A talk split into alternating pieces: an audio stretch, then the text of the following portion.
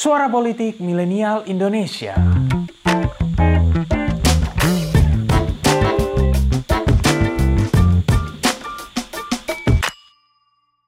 Ini merupakan konten hasil kerjasama antara Pinter Politik dan NU Online. kita semua di sini sebagai wujud toler- toleransi kita dan solidaritas kita sebagai umat umat beragama dan satu bangsa. Perkenalkan Vini Apriani, salah satu anggota detasemen wanita Barisan Ansor Serbaguna atau Banser saat melakukan pengamanan ibadah di Gereja Katedral Jakarta pada perayaan Paskah tahun 2019 lalu. Well, siapa yang tak kenal Banser? Ya, badan semi otonom yang berada di bawah naungan Gerakan Pemuda Ansor atau GP Ansor ini memang sudah tak asing lagi di telinga masyarakat Indonesia. Tak hanya rutin ikut serta mengamankan acara-acara lintas agama, para anggota Banser juga kerap terlibat dalam kegiatan-kegiatan kemasyarakatan, mulai dari bakti sosial, pengamanan lalu lintas, hingga penyaluran bantuan saat terjadi bencana alam. Sebagai salah satu afiliasi dari organisasi Islam terbesar Nahdlatul Ulama, jejak dan kiprah GP Ansor dan Bansernya sebenarnya punya pertalian sejarah yang cukup panjang. Organisasi ini bahkan disebut-sebut turut dilahirkan langsung oleh salah satu pendiri NU, Kiai Haji Wahab Hasbullah di tengah meruncingnya perbedaan pendapat antara golongan ulama tradisionalis dan modernis. Dalam perjalanannya, sepak terjang GP Ansor sendiri juga mengalami pasang surut. Organisasi ini diketahui sempat beberapa kali berganti nama hingga pernah dibubarkan pada masa pendudukan Jepang. Lalu seperti apa sebenarnya sejarah organisasi yang disebut-sebut memiliki 4 juta pengikut ini? Get your coffee and let's get it started.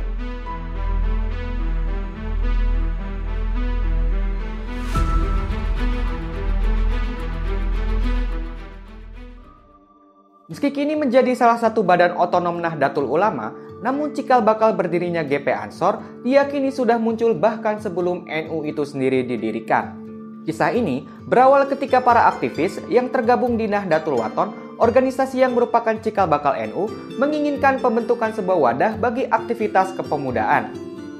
Keinginan ini muncul lantaran pada tahun 1920-an banyak berdiri organisasi-organisasi pemuda yang bersifat kedaerahan seperti Yong Yava, Yong Sumatera, Yong Minahasa, dan sebagainya. Kendati demikian, usaha Nahdlatul Waton untuk mewujudkan keinginannya tersebut nyatanya tidaklah mudah. Di tengah upayanya mendirikan organisasi kepemudaan tersebut, terjadi perbedaan pendapat antara golongan tradisionalis yang dipimpin oleh Kiai Haji Wahab Hasbullah dan tokoh-tokoh yang berhaulan modernis seperti Kiai Haji Mas Mansur terkait sejumlah hal seperti persoalan taklid, ijtihad, hingga mazhab. Perbedaan pendapat ini kemudian membuat kedua tokoh yang disegani itu pun memutuskan untuk menempuh arus gerakan yang berbeda. Kemudian, pada tahun 1924, sekelompok pemuda yang mendukung Kiai Haji Wahab Hasbullah membentuk sebuah organisasi yang dinamakan Syabanul Waton atau yang berarti Pemuda Tanah Air. Organisasi itu dipimpin oleh pemuda-pemuda dari sejumlah daerah di Tanah Jawa. Bagi kalian yang belum menonton sejarah dan kiprah Kiai Haji Wahab Hasbullah, kisahnya bisa kalian simak di video ini ya.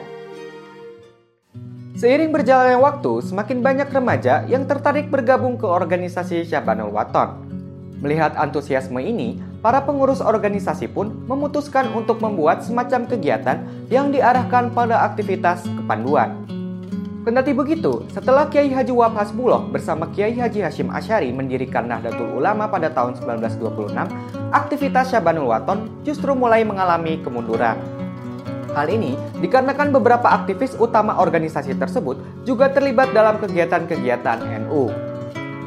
Untuk mengatasi persoalan ini, salah seorang pemimpin Syabanul Waton menginisiasi pembentukan wadah pemuda dalam organisasi Islam yang baru dibentuk itu. Wadah kepemudaan ini kemudian diberi nama Persatuan Pemuda Nahdlatul Ulama atau PPNU. Dalam perjalanannya, PPNU beberapa kali mengalami perubahan nama. Pada 14 Desember 1932 misalnya, PPNU sempat diubah menjadi Pemuda Nahdlatul Ulama atau PNU. Lalu, pada tahun 1934, PNU diubah lagi menjadi Ansor Nahdlatul Ulama atau ANO, bukan ANU karena ini masih menggunakan ejaan lama ya. Konon, nama Ansor ini diusulkan langsung oleh Kiai Haji Wahab Hasbullah. Nama ini diyakini diadaptasi dari gelar kehormatan yang diberikan oleh Nabi Muhammad SAW kepada penduduk Madinah yang dianggap berjasa dalam menegakkan agama Islam. Oleh karenanya, penggunaan nama Ansor ini dimaksudkan agar anggota organisasi tersebut dapat mencontoh teladan dari sikap dan perilaku serta semangat perjuangan para sahabat Nabi. Meski telah diakui menjadi bagian yang tak terpisahkan dari NU, namun secara formal organisatoris, Ansor belumlah tercantum dalam struktur organisasi NU. Hubungan Ansor dengan NU saat itu masih bersifat hubungan pribadi antar tokoh.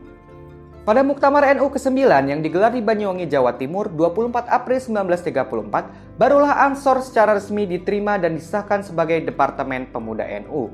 Hari itu pun kemudian ditetapkan menjadi tanggal berdirinya Ansor. Muktamar itu juga turut menetapkan Haji Muhammad Tohir Bakri, Abdullah Ubaid, Haji Ahmad Barui Abdussalam sebagai ketua, wakil ketua, dan sekretaris pertama Ansor. Setelah resmi diakui sebagai salah satu departemen di bawah NU, kiprah Ansor mulai mengalami perkembangan. Organisasi tersebut bahkan mulai rutin menggelar kongres tahunannya sendiri. Perkembangan tersebut juga didukung oleh keputusan yang diambil pada Muktamar ke-11 NU di tahun 1936. Saat itu, pengurus pusat NU merekomendasikan kepada perwakilan-perwakilannya di daerah agar juga membentuk cabang-cabang Ansor.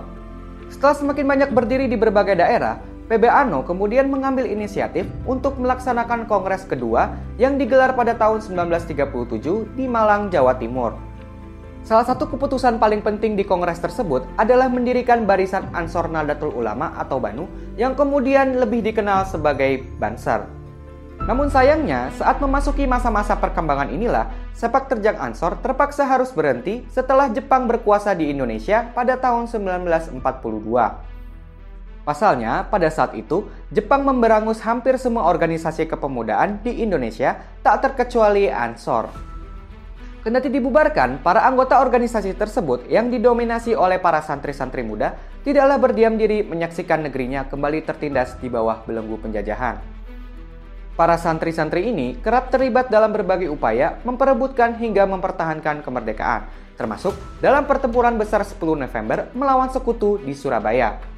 Keterlibatan para santri dalam pertempuran bersejarah itu salah satunya dipantik oleh resolusi jihad yang dikeluarkan oleh PBNU di bawah naungan Kiai Haji Hashim Asyari.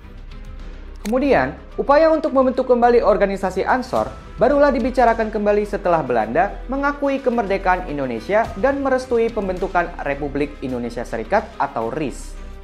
Wacana ini berawal dari niat salah satu tokoh Ansor Surabaya, Muhammad Husaini Tiwai, yang mengadakan reuni akbar mantan anggota organisasi tersebut. Reuni yang diselenggarakan di kantor PB Ano Jalan Bubutan 6 Surabaya itu pun turut dihadiri oleh Menteri Agama di saat itu, Kiai Haji Wahid Hashim, yang juga merupakan putra dari pendiri NU, Kiai Haji Hashim Asyari. Di acara reuni itu, Kiai Haji Wahid Hashim mengemukakan dua alasan pentingnya membangun kembali organisasi Ansor, yakni untuk membentengi perjuangan umat Islam di Indonesia serta mempersiapkan diri sebagai kader-kader penerus NU. Dari pengarahan Kiai Haji Wahid Hashim itulah kemudian lahir kesepakatan untuk membangun kembali organisasi Ansor dengan nama baru, yakni Gerakan Pemuda Ansor atau disingkat GP Ansor. Selain itu, status Ansor yang sebelumnya merupakan salah satu departemen dalam organisasi NU kini diubah menjadi badan otonom. Hal ini kemudian memungkinkan GP Ansor untuk menyusun dan mengatur anggaran dasar rumah tangganya sendiri. Setelah dibentuk kembali, Ansor dan Bansernya lebih banyak aktif terlibat dalam kegiatan pengamanan hingga gerakan sosial kemasyarakatan.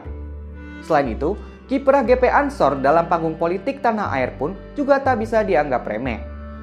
Ini terbukti dari keterlibatannya dalam membela Pancasila ketika ideologi negara tersebut dianggap terancam oleh kebangkitan Partai Komunis Indonesia atau PKI.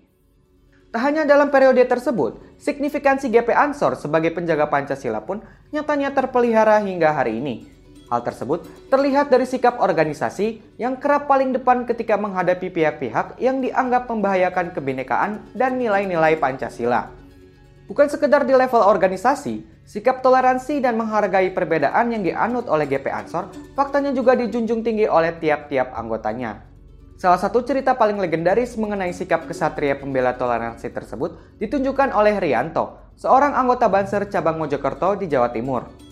Dikisahkan, Rianto yang saat itu mendapat tugas menjaga gereja Ebenezer tewas karena memeluk bom demi melindungi jemaat dari serangan teror malam Natal tahun 2000 silam. Berkat pengorbanannya tersebut, tak heran jika kemudian Rianto dianggap sebagai salah satu simbol toleransi antar umat beragama di tubuh NU, khususnya GP Ansor. Saking legendarisnya, kisah Rianto ini bahkan sempat diadaptasi dalam sebuah film berjudul Tanda Tanya karya sutradara kawakan Hanung Bramantyo. Dalam konteks politik kekinian, GP Ansor masih membuktikan eksistensinya dengan menjadi salah satu pihak yang paling lantang mengkritisi sepak terjang Ormas Front Pembela Islam atau FPI. Maklum, sebagai organisasi yang mengedepankan nilai-nilai toleransi, arah pemikiran GP Ansor memang bisa dibilang berlawanan dengan perjuangan FPI yang cenderung ke arah fundamentalis. Kendati berbeda jalan, GP Ansor nyatanya tetap menerima dengan tangan terbuka jika ada ex anggota FPI yang ingin bergabung pasca ormas pimpinan Habib Rizik Syihab itu dibubarkan pemerintah beberapa waktu lalu. Diberitakan, di Sumatera Selatan ada puluhan bekas anggota FPI yang merapat ke GP Ansor. Ini sekali lagi membuktikan bahwa organisasi tersebut memang menjunjung tinggi perbedaan termasuk perbedaan pemikiran. Terlepas dari segala kontroversi yang ada, pada akhirnya, sumbangsi GP Ansor dalam menegakkan nilai-nilai keberagaman dan toleransi tetaplah tak bisa disangkal. Selain itu, kiprah panjangnya dalam mewarnai dinamika politik nasional juga telah membuat GP Ansor menjadi salah satu organisasi yang sangat diperhitungkan. Ini terbukti misalnya dari ditunjuknya Ketua Umum GP Ansor, Yahya Kolil Puomas atau yang akrab disapa Gus Yakut sebagai Menteri Agama Republik Indonesia oleh Presiden Joko Widodo beberapa waktu lalu. Terima kasih telah mendengarkan episode kali ini. Nantikan episode-episode selanjutnya dan jangan lupa untuk kunjungi pinterpolitik.com untuk dapatkan informasi seputar fenomena politik di Indonesia. See you next time and bye-bye.